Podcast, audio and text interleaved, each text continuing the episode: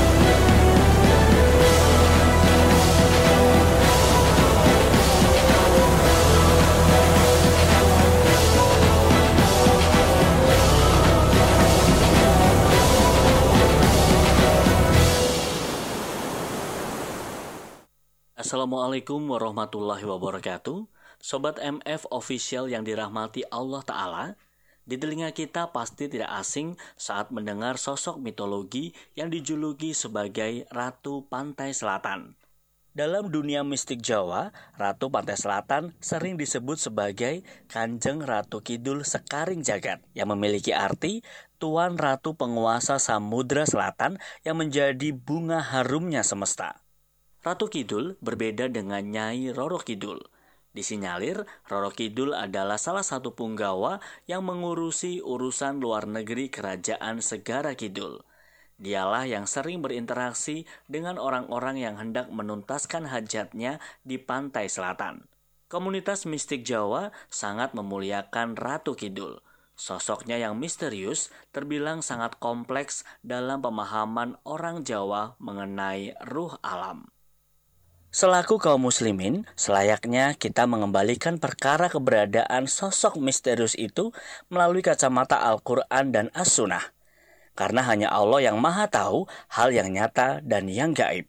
Kali ini, Ustadz Faisar akan berbincang dengan Mbak Indah Ananta selaku mantan indigo yang pernah diakui sebagai cucu kanjeng Ratu Kidul.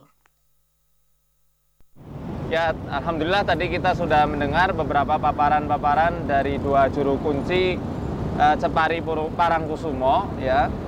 Tentu dengan uh, cerita versi mereka ya. Dan ternyata kan tentang Ratu Kidul ini banyak sekali versi ya, Mbak. Iya, betul. Karena memang uh, disinyalir ke, ke kekuasaannya menurut kepercayaan orang-orang yang memang hmm. percaya uh, tentang adanya Ratu Kidul itu dari ujung Jawa ya, dari ujung yeah. ke ujung. Sehingga mungkin setiap daerah punya ceritanya masing-masing. Masing-masing. Tapi memang setahu saya selama pantai selatan itu pasti berhubungan sama Ratu Pantai Selatan karena memang daerah kawasan beliau itu kan memang pantai selatan kan. Tapi Bahkan ceritanya sama enggak? Ceritanya kurang lebih sama Uh, bahkan saya sampai ke Batam, ke Makassar, orang-orang yang memang berinteraksi, yang mengakunya berinteraksi langsung dengan Ratu Pantai Selatan tuh selalu bilang kayak gitu. Berarti ini program besar sebenarnya ya? Ya. Program besarnya Bang Sajin untuk hmm. uh, apa namanya menguatkan sosok Pantai Selatan itu sendiri. Ya. Ratu Ratu Pantai Selatan Ratu Pantai itu Selatan. sendiri ya. Mbak kalau versi Mbak Indah nih. Iya. Karena teman-teman mungkin eh, ada yang sudah tahu ya bahwasannya hmm. beliau ini salah satu uh, orang yang dianggap cucu sama Ratu Kidul. Iya. Nah itu gimana Mbak waktu uh, pengalaman Mbak itu tahu dianggap cucu uh, sama Ratu Kidul itu awal mulanya gimana sih? Apa memang iya. sudah tahu? Belum. Uh, jadi dari kecil itu memang saya udah bisa interaksi dengan makhluk gaib, Pak Ustadz udah bisa interaksi, ngobrol, ngobatin orang, terus bisa tahu orang ini baik atau enggak, menemukan barang yang hilang, tahu orang itu selingkuh atau enggak, selingkuhannya siapa itu bisa kedetek semuanya tanpa saya belajar atau tanpa saya mengamalkan eh, amalan-amalan atau asian-asian gitu. Apalagi megang benda pusaka pun nggak pernah. Dititipin barang-barang yang berhubungan sama gaib pun nggak pernah. Tetapi ketika saya beranjak remaja itu SMP ya, SMP kelas 1 tuh saya ingat itu saya mulai suka mimpi Kanjeng Ratu Pantai Selatan, Ibu Ratu. Nah, dia tahu kalau saya tuh pengen jadi dokter, tapi saya takut darah. Saya pengen nih ngebantu orang-orang, ngobatin orang, tapi saya nggak mau jadi dokter. Nah, caranya gimana ya? Itu yang selalu saya pikirkan gitu. Nah, eh, akhirnya beliau masuk ke dalam mimpi saya dan ngasih tahu nih, kalau kamu punya niat yang mulia, saya bisa bantu, kata dia. Caranya mudah sekali kamu temuin saya di Pelabuhan Ratu, Sukabumi. Nanti kalau udah sana uh, udah sampai sana, ucapin salam nanti saya akan temuin kamu kata dia. Cuma kan saya sadar ya Pak Ustadz, kalau beliau itu bukan manusia tapi makhluk gaib. Jadi saya nggak pernah berani untuk uh, datengin beliau tuh ke Pelabuhan Ratu itu. Nah, tapi beliau sering sekali datang ke mimpi saya gitu. Nah terus saya jadi berpikir, eh kalau kamu makhluk gaib, terus gimana caranya eh, saya bisa tahu kalau itu kamu? Nah, terus dia kirim lah tuh beberapa foto, dia tunjukin dalam mimpi itu. Ini ada beberapa foto perempuan cantik. Kamu pilih wujud yang seperti apa yang kamu mau, agar kamu tuh nggak takut gitu ketemu saya. Nah tiba-tiba pas saya lagi pilih itu ada naga emas besar. Naga emas besar itu muncul besar sekali warna emas dia nggak tahu uh, dia muncul ya dari tengah-tengah laut itu dia muncul terus saya bilang saya nggak mau ketemu yang kayak gini nakutin nyeremin gitu bisa gak kalau wujud manusia aja manusia normal uh, tapi wujudnya cantik-cantik nah, terus akhirnya saya pilih lah tuh foto yang dia udah suguhin uh, perempuan cantik dan setiap dia datang selalu dalam wujud yang sangat cantik perempuan cantik, rambutnya panjang dengan uh, kayak baju-baju Jawa ya, kemben-kemben gitu, semua warnanya hijau. Lalu pernah juga uh, ngeliatin apa istananya itu semuanya terbuat dari emas. Dan saya tuh ngerasa itu dalam mimpi tapi seperti kenyataan gitu loh Pak Ustadz. Jadi saya tuh seperti dibawa ke alam uh, beliau dan menikmati semua apa yang menjadi fasilitas beliau. Yang kayak gitu. Insya Allah ya. Yang bikin saya tertarik nih sebenarnya hmm. uh, perkataan Jin yang mengaku jadi Ratu Kidul itu ya. Hmm. Uh, ketika menawarkan diri kepada Mbak Indah, hmm. Kamu mau lihat aku dalam wujud apa gitu? Iya betul. Nah ini yang jadi apa ya istilahnya? Jadi unek-unek terbesar hmm. sebenarnya di dalam hati. Karena pada hakikatnya setiap hantu atau jin ya hmm. uh, yang ada di masing-masing daerah atau masing-masing negeri itu selalu berbeda-beda tergantung kebudayaan serta adat istiadat di daerah tersebut. Yeah. Sama seperti kalau di Indonesia ada ada hantu pocong, kuntilanak, dan di Jepang nggak ada gitu ya. Hmm. Atau nggak usah jauh-jauh lah, yang hmm. sama-sama hmm. negeri Islam. Hmm. Di Indonesia kan orang meninggal Islam itu ya pasti di kafani, kafani. gitu ya, dipocong. Hmm ya selama saya di Mesir hmm. empat hmm. tahun di sana hmm. tidak pernah mendengar sama sekali mitos hantu pocong hmm. ini kan uh, sependek yang saya hmm. pahami hmm. berarti adalah apa ya produk dari fantasi manusia itu sendiri kan oke okay. hmm. produk dari sesuatu yang memang sudah melekat dan sering diperbincangkan di area masyarakat oke okay. hmm akhirnya tergambar lah sosok-sosok seperti kuntilanak, pocong hmm. atau sosok Ratu Kidul yang memang hmm. sudah sangat populer di Nusantara ini, apalagi hmm. dibuat film. Iya. Yeah. Nah ini yang makanya sebenarnya masih jadi ganjalan hmm. bagi saya itu, Mbak. Makanya Mbak tadi bilang bahwasanya Ratu Kidul ternyata nggak cuma di area Jawa saja Enggak, di Batam, Makassar di Batam, ya? Makassar itu di saya Bali. temuin orang-orang yang memang kiblatnya bisa dibilang selatan ya itu pasti connect tuh mereka ceritanya kurang lebih sama dengan apa yang saya alami jadi yang saya soroti sebenarnya ya. ini dan juga jadi pertanyaan Hmm. saya mungkin Hmm. karena pendeknya pengetahuan saya tentang Ya. perkara ini ya tapi tentu kita harus mengembalikan ini pada Al-Quran dan juga sunnahnya Nabi Shallallahu Alaihi Wasallam pertama adalah tentang prajurit-prajurit yang perkasa dari sosok Ratu Kidul itu sendiri Hmm. yang mana kebanyakan diserupakan dengan ular seperti naga yang tadi Mbak Indah betul. sebutkan gitu ya Betul. ha. Sedangkan dalam hadis Nabi Shallallahu Alaihi Wasallam ini hadis riwayat Imam Bukhari, ya bisa dilihat juga dalam silsilatus sahihah Hmm. bahwasanya Nabi SAW pernah bersabda, al hayyatu muskul jin. Ya, ular-ular itu adalah penyerupanya bangsa jin. Kama musikhatil qiradatu wal khanazir min bani Israel. Sebagaimana Allah telah menyerupakan kera dan juga babi ya dari kalangan bani Israel. Hmm. Bani Israel. Nah, oleh karenanya eh, ular ini juga sebenarnya salah satu simbol-simbolnya setan. Hmm. Dan dalam hadis riwayat Imam Ahmad dalam musnadnya ketika Ibnu Sayyad itu diuji sama Rasul. Mada taruh apa yang kamu lihat wahai Ibnu Sayyad? Ibnu Sayyad ini anak indigo. Hmm. Hmm. Yang dari kecil memang sudah jos, Hmm. ramalannya selalu tepat, dia Hmm. juga bisa membaca batin orang lain. Hmm. Hmm.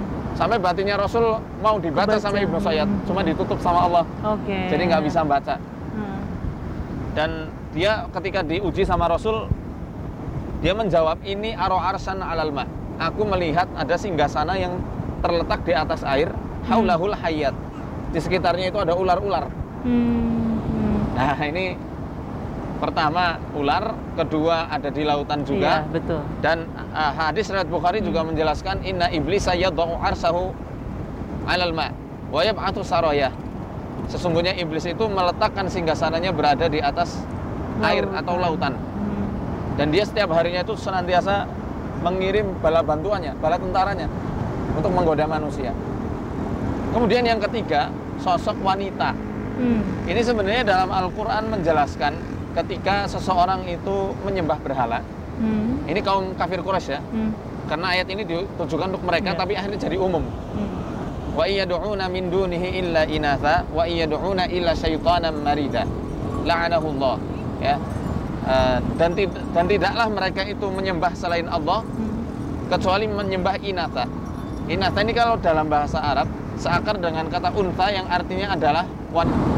Makna secara majasnya, kiasannya, ya inatha ini adalah menunjukkan bahwasanya berhala itu seperti wanita yang fitrahnya itu mempunyai sifat yang lemah lembut. Dan di situ menunjukkan bahwasanya berhala yang punya sifat lemah seperti wanita ini adalah setan yang sangat terkutuk atau durhaka. Hmm. Setan yang durhaka Hmm. dan mereka itu dilaknat oleh Allah Taala. Nah ini mbak kan ada korban-korban yang jatuh berjatuhan ya. Iya. Bahkan bisa interaksi tuh sama Ratu Kidul. Hmm. Kata beliau bagaimana?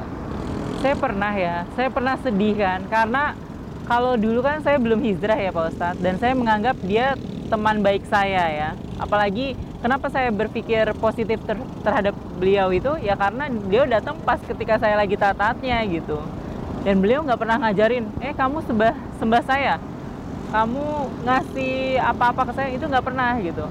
Nah, jadi begitu saya dengar banyak sekali tumbal, eh, banyak sekali orang yang tiba-tiba tenggelam, tenggelam ya, tergulung oleh ombak gitu di pantai selatan itu saya sedih. Nah, saya coba tanyakan ke beliau ketika beliau datang dalam mimpi saya, tapi beliau eh, menepisnya. Beliau bilang itu bukan saya, tapi eh, seolah-olah ada yang mengkambing hitamkan beliau gitu. Sejujurnya kalau saya nggak seperti itu Indah. Saya justru menjaga eh, ya tanah Jawa ini. Ya sebenarnya saya melanjutkan tadi yang sosok wanita ya Hmm. yang dijelaskan dalam surat Hmm. An-Nisa itu. Wa i- Wa iyad'una min dunihi illa inatha wa iyad'una illa syaitanan marida.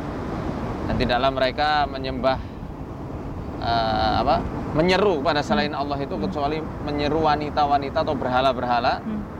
ya. Dan yang dimaksud berhala ya setan, setan yang terkutuk. Nah, ternyata dalam beberapa riwayat-riwayat hadis Hmm. Dijelaskan setan itu memang sering sekali menyamar seperti wanita, Hmm. tidak gagah, Iya. tidak perkasa, dan apa ya istilahnya ya, secara fitrah menggantungkan kepada suaminya. Hmm. Walaupun di satu sisi memang Allah ciptakan sisi luar biasa pada diri seorang wanita, pada diri makhluk yang Hmm. namanya wanita Hmm. ini. Hmm. Hmm. Namun secara garis besar itu yang dimaksudkan dalam Al-Qur'an itu. Hmm. Contohnya ketika Khalid bin Walid radhiyallahu anhu, beliau panglima tempurnya kaum muslimin yang tidak pernah kalah perang selama beliau hidup. Ya. Nah, itu diutus sama Rasul sallallahu alaihi wasallam untuk menghancurkan Uzza. Uzza ini adalah berhala yang digadang-gadang dia juga wanita. Hmm. Ternyata yang dihancurkan Khalid itu hanya rumah pohon. Hmm. Diporak-porandakan sama Hmm. Khalid. Selesai sudah datang ke Rasul. Kata Rasul, kamu belum melakukan apa-apa. Kembali lagi. Kamu belum melakukan apa-apa untuk menyelesaikan Uzza. Hmm. Akhirnya kembali, saat Khalid kembali memacu kudanya, juru kunci juru kunci itu lihat ada Khalid Khalid.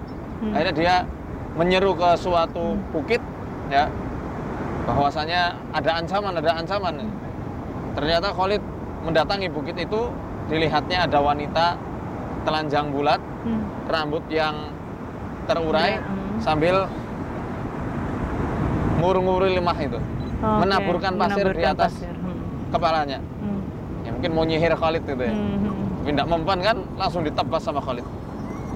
Nah, kata Rasul ketika jin wanita itu telah mati, itulah Uzza kata Rasul. Hmm. Itulah Uzza yang dimaksud. yang sebenarnya. Hmm. Jin yang membuat orang-orang itu banyak yang tersesat dari jalan Allah Ta'ala. Dan sosoknya memang semakin tinggi ya kasta soal kasta dari bangsa jin Hmm. semakin rupawan juga dilihat oleh manusia. Jadi gini Syekh, ada salah satu uh, paranormal ya. Jadi waktu kecil saya itu memang udah terkenal indigo. Nah, saya diundang untuk masuk ke komunitas paranormal Indonesia.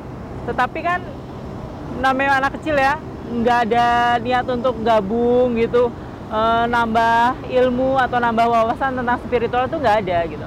Akhirnya saya nggak pernah datang setiap ada undangan untuk eh, ngumpul semua paranormal paranormal Indonesia. Nah ada eh, salah satu paranormal yang ngajak saya ke pantai selatan waktu itu. Malam-malam Syekh. Malam-malam terus dia bilang saya pengen tahu saya pengen pembuktian bahwa memang kamu ada hubungannya sama Ibu Ratu. Tolong tunjukin eh, kalau kamu tuh memang bisa interaksi sama dia secara langsung. Nah karena kondisinya waktu itu iya orang saya berpikir gini kok orang udah ngomong jujur tapi masih dipertanyakan ya ya udah ini nggak nggak bohong. Ya udah. Nah cara saya kalau komunikasi sama beliau ketika saya berada di pantai selatan adalah pertama saya ngucapin salam. Kedua saya ketuk eh, kepalan tangan saya ini tiga kali ke pasir sambil injek bumi tiga kali. Nah nanti muncul tuh interaksi saya sama beliau tuh. Tiba-tiba ombak tinggi datang nanti stop berhenti tepat di kaki saya jadi dia nggak ngelewatin tempat saya berdiri atau tempat saya duduk tapi dia menyapu eh, ujung kaki saya Coba coba praktek.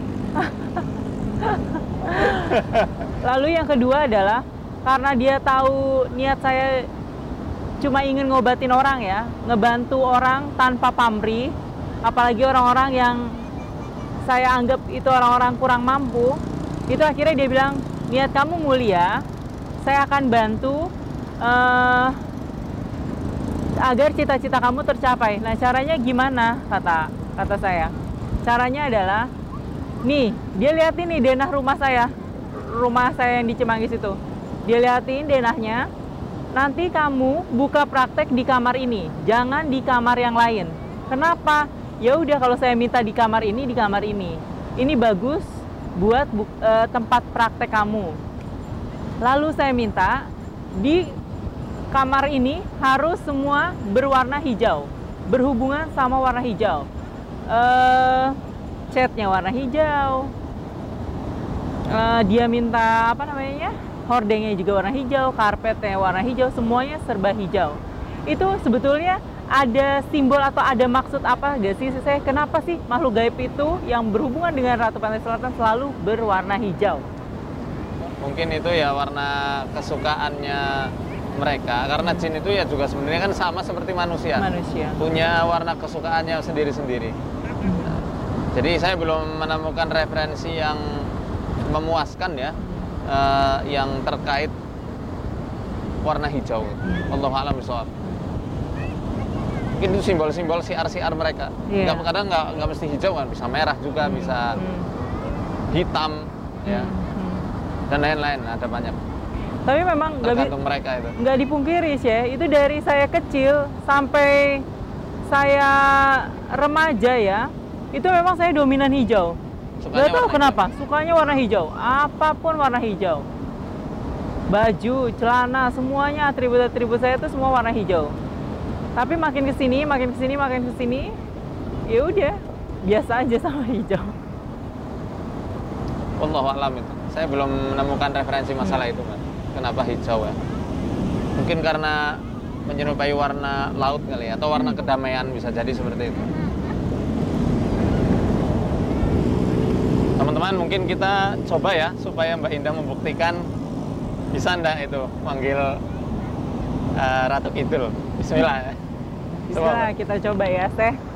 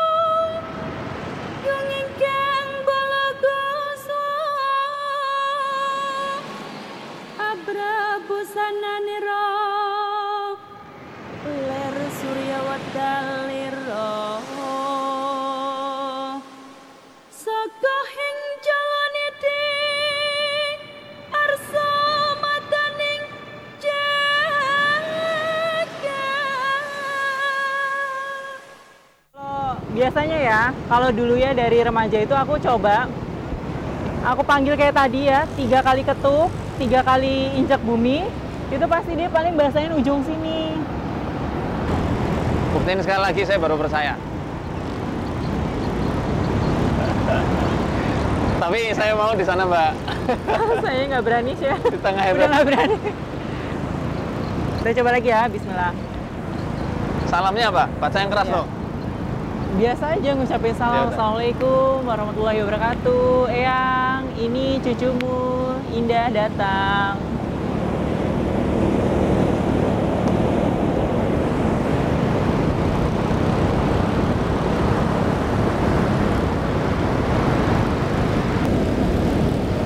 Mungkin saya di sini ya biar kena.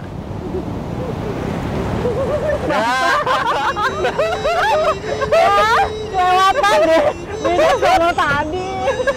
Bahasa dia. Gini, Mbak. Eh, kalau dipresentasikan di apa namanya? Kalau kita adakan perbandingan ya, Hmm. kiranya yang berhasil dan nggak berhasil lebih banyak mana, Mbak? Yang nggak sampai mengenai gitu ya? Lebih banyak Ya. yang mengenai ya? biasanya nggak nggak mengenai kayak kalau dulu kalau kalau saya sama paranormal paranormal itu ya yang kiblatnya selatan itu kan kami ngetesnya memanggil ombak dengan tinggi yang lebih dari biasanya. Nah biasanya kami itu kalau ngadu-ngadu ilmu ya kesaktian itu di Pelabuhan Ratu memang. Pelabuhan Ratu. Pelabuhan Ratu. Kan memang undangan saya selalu Pelabuhan Ratu nggak Parangkusuma atau Parangtritis. Kayak gitu. Nanti dari kecil saya tuh udah seneng main-main di pinggir pantai panggil ngucapin salam kayak tadi kan ketok tiga kali. Tangan kaki nanti ombaknya tinggi lari saya kabur. Nanti kalau udah reda lagi saya samper lagi ketok lagi. Jadi itu kayak candaan saya sama beliau. Dari kecil itu ya. dari kecil dari SD Kalau lihat jin udah dari kecil dari TK.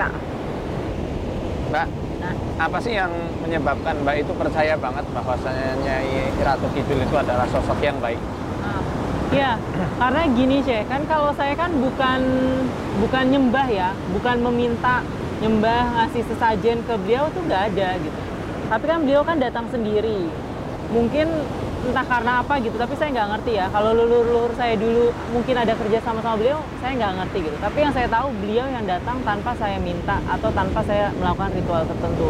Dan saya selalu berpikir dulu waktu saya kecil sampai sebelum nikah itu saya berpikir beliau jin yang positif.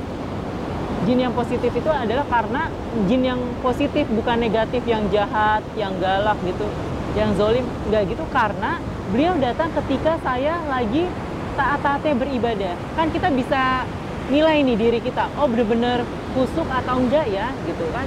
Nah saya tuh ngerasa nggak hanya sholat wajib tapi sholat duha, tahajud saya saya jalani. Nah itulah beliau datang. Tetapi beliau datang ketika habis sholat subuh saya tidur.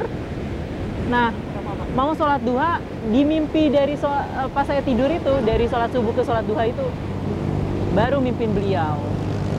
Sebenarnya perkara setan Hmm. atau jin ya datang ketika manusia dalam keadaan taat-taatnya melakukan ibadah. Ini banyak sekali asar maupun eh, cerita-cerita yang sahih yang menjelaskan perkara tersebut. Seperti contoh ketika Syekh Abdul Qadir Jailani rahimahullah taala kita semua tahu ya beliau adalah ulama yang hebat, ulama yang besar dan insya Allah termasuk bagian dari walinya Allah Taala ya beliau didatangi oleh iblis waktu itu didatangi oleh setan dalam wujud yang amat sangat terang benderang seperti cahaya. Dia mengaku si setan ini ngaku ya kepada Syekh Abdul Qadir Jailani aku adalah Allah aku Tuhan. Langsung saat itu juga didustakan. Nah ketika Nabi Ibrahim alaihissalam hendak menyembelih Nabi Ismail iblis datang dalam wujud yang sangat rupawan sangat indah mengaku sebagai Allah Ta'ala. Dan seakan-akan dia itu mengabarkan Allah itu sudah mencabut perintah untuk menyembelih Nabi Ismail. Nah inilah sejarah ketika uh, lempar jumroh itu disuruh ngambil tujuh kerikil. Dilempar sama tujuh kerikil sama Nabi Ibrahim alaihissalam nah kemudian dalam Al-Quran sendiri juga dijelaskan iblis itu senantiasa iblis dan para setan-setan ya penggawa-penggawanya itu senantiasa merubah dirinya menjadi wujud yang betul-betul indah. Wujud yang sangat menarik hati manusia di antaranya dalam surat Sabah ayat 41 nah, ketika hari kiamat Allah nanya itu para malaikat-malaikat. Eh para malaikatku apakah kalian yang menyebabkan manusia-manusia ini tersesat dari jalanku sehingga menyembah kalian? Maka malaikat menjawab Qalu subhanaka anta waliyuna min dunihim.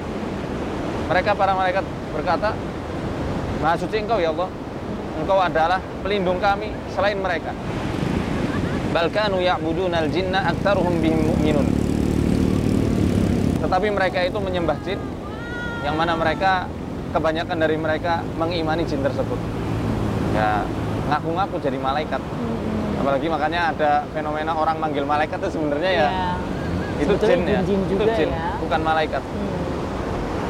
itu malaikat wujud malaikat wujud wanita cantik Ah. seperti sosok ratu sosok Hmm. raja sosok pangeran ya pada hakikatnya itu ya setan yang hendak menggelincirkan manusia mbak bahkan termasuk kiblat selatan ya ya Kiblat selatan. maksudnya Dulu, ya dulu dulu. dulu dulu nah eh, pernah enggak sih sama orang-orang yang memang kiblatnya juga ke Pantai Selatan kemudian mereka yang belum kenal sama Mbak Ina tiba-tiba langsung seakan-akan akrab sekali Banyak, banyak banget.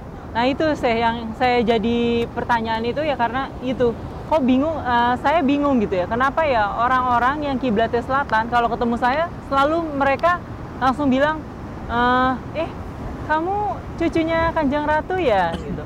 Dapat salam dari Kanjeng Ratu, sini sini sini sini masuk. Dan dia berusaha untuk nyambat memasukkan eh, jin yang mengaku Ratu Pantai Selatan ke tubuhnya mereka agar berinteraksi langsung dengan saya. Banyak sekali itu paranormal-paranormal yang sebelumnya saya nggak kenal, saya nggak pernah cerita bahwa eh, Kanjeng Ratu sering masuk ke dalam mimpi saya, sering ajak saya main, jalan di atas air, terbang.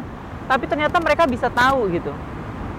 Nah bahkan ada beberapa penjabat ya, penjabat aparat yang istilahnya punya jabatan tinggi itu nggak kenal sama saya, tapi tiba-tiba cari nomor saya, ngubungin saya untuk kasus yang dia tiba-tiba stroke mendadak, serangan santet-santet kayak gitu.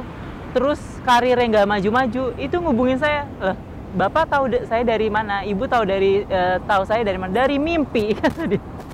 Beneran, Connect ya lewat mimpi itu. dari mimpi. Mimpi apa? Yaitu selalu yang berhubungan sama Ratu Pantai Selatan.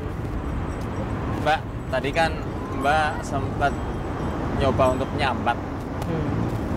Mbak ngerasakan kehadirannya enggak sih? Nah, ketika tadi saya coba interaksi secara langsung ya, saya setelah saya pukul tiga kali tangan saya, terus injak bumi tiga kali, itu saya ngerasakan kayak sedih ya, kayak sedih, kayak rasa kangen yang udah terbayarkan. Terus kayak rasanya damai banget. Dan saya menganggap bahwa beliau memberikan senyuman dari jauh sana. Ada apa ya? Mungkin aroma-aroma yang Mbak menghirupnya enggak? Karena tadi teman-teman eh, mengaku waktu tadi Mbak Indah ngetok-ngetok itu mencium bau wangi sekali. Hmm. Ini Kalau teman-teman yang ada di sekitaran sini ya. Nah, Mbak Baik. sendiri Kalau saya sendiri enggak. Kalau saya mencium aroma wangi enggak. Alhamdulillah ini kisah yang sangat menarik dari Mbak Indah ya sebenarnya kalau kita mau gali lebih dalam pengalaman Banyak. beliau sangat pan- sangat panjang panjang kali lebar pokoknya banyak sekali pengalaman-pengalaman beliau dari mulai kecil sampai ketika ik- eh, jadi host ya Iya, host dua dunia malah Dua makin Dunia ya. jauh tuh interaksinya. Pokoknya setahu saya terakhir itu interaksi sama beliau ketika Hanida ya yang liputan di Jogja itu itu terakhir dia memberikan senyuman yang manis banget terakhir itu. Tapi paling tidak eh, sambatan-sambatan tadi ini hanya untuk membuktikan bahwasanya yaitu karena ombak di pantai selatan ini sedang pasang Tinggi. ya.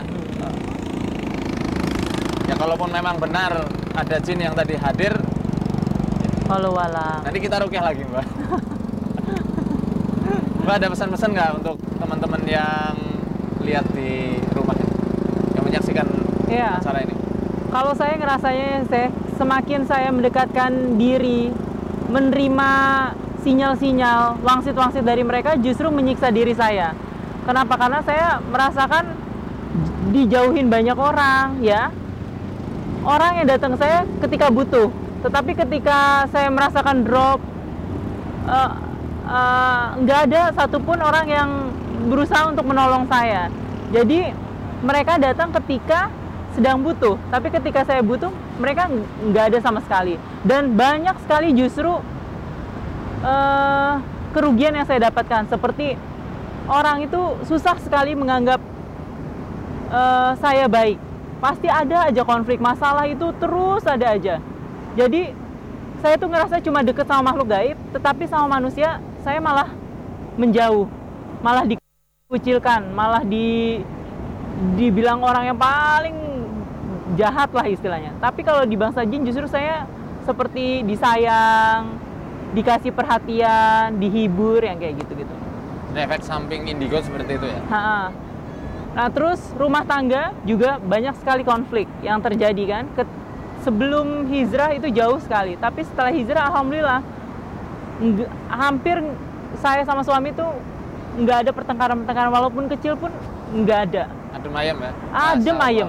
Alhamdulillah. Anak-anak juga jaga gitu. Mbak Indah sekeluarga ya. Amin, amin. Nah, ya makanya mendingan kalau emang udah ada tanda isyarat dari Allah, udah hijrah, udah hijrah total. Tinggalin semuanya, udah kembali sama Allah. Pasti Allah mudahkan dan Allah ganti segala kepahitan-kepahitan derita-derita kita yang lalu itu menjadi kebahagiaan yang nggak nggak pernah kita bayangin. Yang dulunya kita munajat nih ya Allah, pengen bahagia, pengen bahagia, pengen bahagia. Akhirnya Allah kasih berlipat-lipat bahagia, membayar yang dulu-dulu derita kita dengan bahagia yang mudah-mudahan seterusnya. Allahu Akbar. Amin. Masya Allah. Sangat menginspirasi ya mbaknya ini. Banyak ini. Teman-teman, banyak orang yang menganggap bahwasanya ritual-ritual semacam ini adalah suatu tawasulan saja, Hmm. walaupun mereka anggap bahwasanya diri mereka bertakluk dan bergantung semuanya kepada Allah Ta'ala, menyembah juga kepada Allah Ta'ala. Namun ingat, Allah telah menurunkan syariat Islam itu secara sempurna. Maka kalau kita memang harus mencari suatu wasilah atau perantaraan supaya kita dapat menggapai suatu kesuksesan atau hajat yang kita inginkan, maka gapailah ya, gapailah hal tersebut dengan perantaraan-perantaraan yang tidak melanggar syariat yang dijelaskan dalam Al-Quran maupun Sunnah. Jangan sampai kita terjebak seperti halnya orang-orang kaum kafir Quraisy, Iya. orang-orang Quraisy yang masih musyrik. Mereka percaya Allah Taala sebagai Tuhan mereka. Namun ingat, ya mereka menjadikan berhala-berhala. Tujuannya apa? Tujuannya tidak lain supaya mereka bisa lebih dekat pada Allah Taala. Tujuannya mungkin seakan-akan bagi kita baik, Mm-mm. seakan-akan baik. Kong pengen mendekat- mendekatkan diri pada Allah kok. Tapi apa? Caranya salah. Iya. Menggunakan berhala, menggunakan tata cara yang Allah tidak memberikan Ridhoi. sultan atau penjelasan yang nyata, yang gamblang, Mm. yang diturunkan melalui Al-Qur'an dan disampaikan melalui lisan Rasulnya uh, Nabi Muhammad SAW. Semoga Allah senantiasa memberikan kita petunjuk, Amin. hidayah, Amin. dan mengokohkan iman Islam kita Amin. hingga menjadikan hari terindah kita adalah hari di mana kita dipanggil oleh Allah Ta'ala menuju ke hadiratnya. Amin amin ya rabbal Amin, alamin. Arsadani Allah ayakum. Assalamualaikum warahmatullahi wabarakatuh. Waalaikumsalam warahmatullahi wabarakatuh.